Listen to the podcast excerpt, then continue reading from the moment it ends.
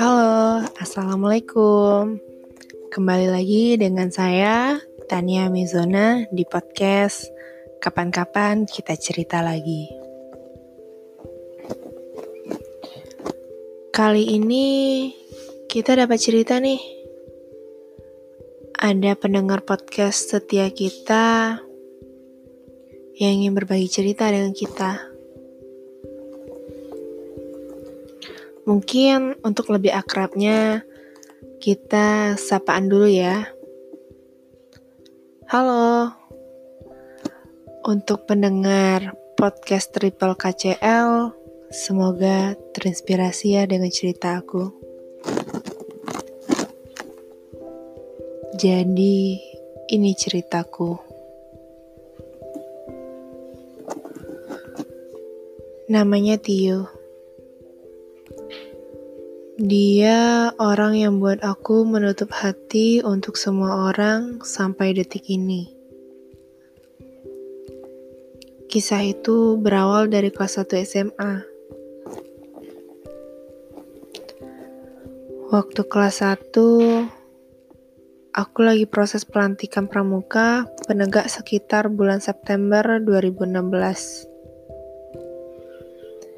Dan di waktu itu dia bantu aku dalam proses pelantikan.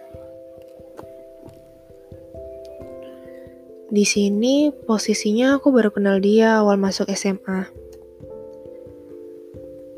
Tapi waktu itu aku belum ada rasa pengen tahu tentang dia karena menurutku dia orangnya songong.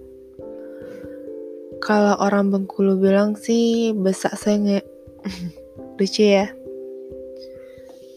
Tapi rasa tertarik dan keinginan tahu itu muncul di waktu pelantikan. Aku lihat dia orangnya tegas, asik, humoris, dan susah deh untuk diungkapin dengan kata-kata.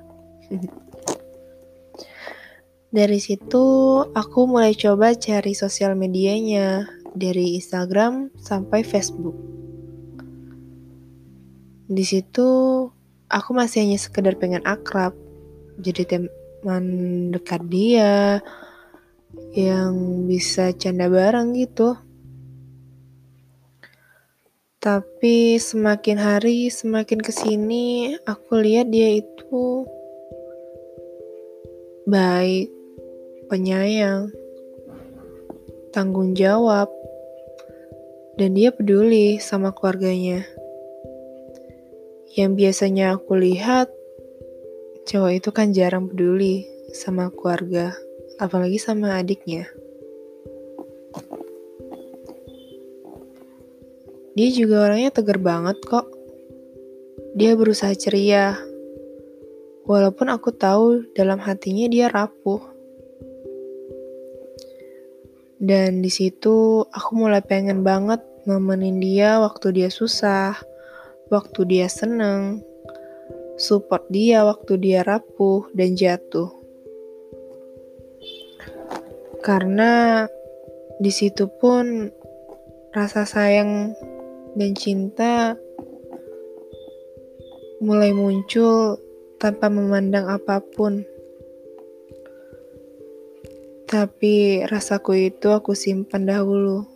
Mana tahu aku hanya terobsesi sama dia. Dan waktu kelas 2 SMA, rasa itu masih ada dan semakin bertambah. Tapi seketika hati ini dibuat hancur saat aku tahu dia ada hubungan dengan adik kelasku. Di situ aku mulai down, mulai nggak percaya diri sakit banget. Padahal aku sadar kalau aku bukan siapa-siapa dia. Tapi kenapa rasa ini muncul? Muncul tanpa disangka. aku cuma bisa tersenyum di depan dia seolah gak terjadi apa-apa. Karena emang dia gak tahu soal perasaan ini. Dan dari situ aku berdoa tiap harinya sama Tuhan. Setiap aku ibadah, aku selalu bilang sama Tuhan, Tuhan, jika emang benar rasa cintaku untuk dia ini engkau yang kehendaki, tolong pertahankanlah Tuhan. Dan kiranya engkau membuka jalan untuk kita bisa bertemu Tuhan. Tapi jika engkau tidak menghendaki, tolong bantu lenyapkan rasa ini Tuhan. Karena aku tidak sanggup lagi untuk menahannya dan mohon jauhkan kami Tuhan. Tapi setiap aku memanjatkan doa tersebut, ada aja hal yang buat kita semakin dekat dan buat rasa itu semakin pekat. Aku di situ mulai ragu dengan Tuhan, mulai bingung dengan Tuhan. Sebenarnya apa yang Tuhan rencanakan untukku dan dia? Padahal aku sudah coba buat lupain dia. Semakin berjalannya hari, bulan, tahun, dan bahkan sampai lulus SMA, rasa itu tetap ada. Aku berpikir jika emang tetap berdekatan seperti ini, bahkan satu kota sama dia, atau bahkan nanti satu universitas sama dia, aku bakal susah buat ngelupain dia. Jadinya aku berpikir untuk kuliah keluar kota. Walaupun orang tua tidak menyetujui, tapi aku berusaha untuk meyakinkan. Yap, Kota Jogja, Yogyakarta, yang memiliki keistimewaan dan ceritanya. Akhirnya, aku menempuh perguruan tinggi di, Jog di kota Jogja.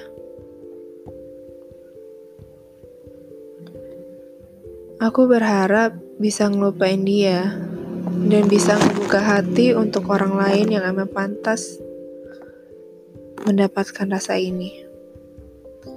Tapi berjalannya waktu selama enam bulan di Jogja, aku masih benar-benar gak bisa ngelupain dia. Ya Tuhan, ada apa denganku ini? Ada aja hal yang buat aku ingat ke dia. Yang mungkin mirip dengan dia, sifat dia, dan langsung dia yang ada di pikiranku. Aku masih terus berdoa sama Tuhan. Bantu aku Tuhan buat ngelunturin rasa ini. Karena aku udah gak tahan dengan semuanya. Tapi tetap aja gak bisa. Setelah aku pikirkan matang-matang, dan aku sudah mengetahui bahwa dia udah putus dengan pacarnya hingga tepat pada tanggal 22 Desember 2019 jam 21.45 WIB. Aku memberanikan diri untuk mengungkapin semua perasaanku ke dia. Karena emang udah gak sanggup aku pendam ini semua. Aku butuh jawaban. Aku udah gak bisa nanggung semua beban yang ada di perasaan ini. Perasaan yang antah berantah ini yang tak terbalaskan. Dan dia balas pesanku esok harinya. Dan di situ dia bilang bahwa dia emang gak percaya sama semua yang aku ungkapin. Karena memang aku menutup rapat semua rasaku ini. Dan ternyata dia membalas juga sebenarnya dia bisa membuka hati untukku jika dia tahu lebih awal. Tapi ini sudah terlambat. Aku sudah di Jogja dan dia di Bengkulu.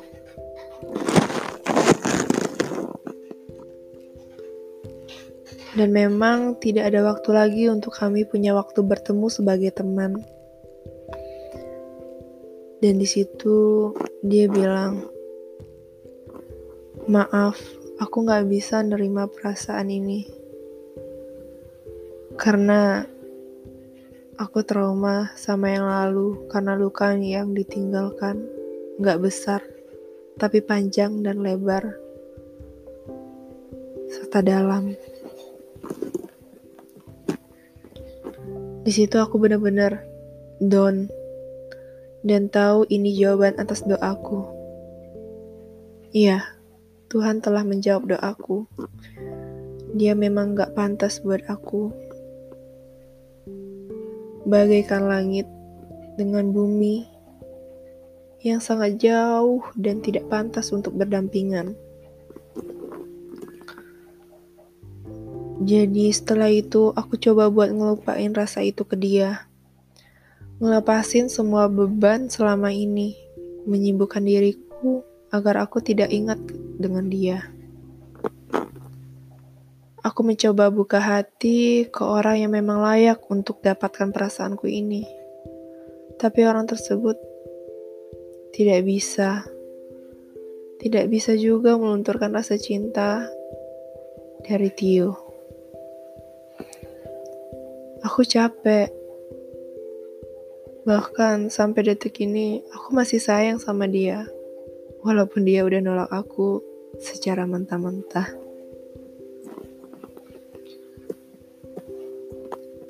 Cinta dalam diam memang sakit.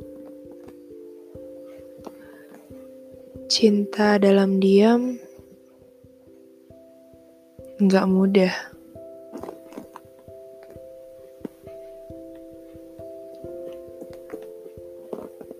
Cinta dalam diam bukan solusi yang pas. Seorang cewek yang memendam perasaannya terhadap seorang cowok.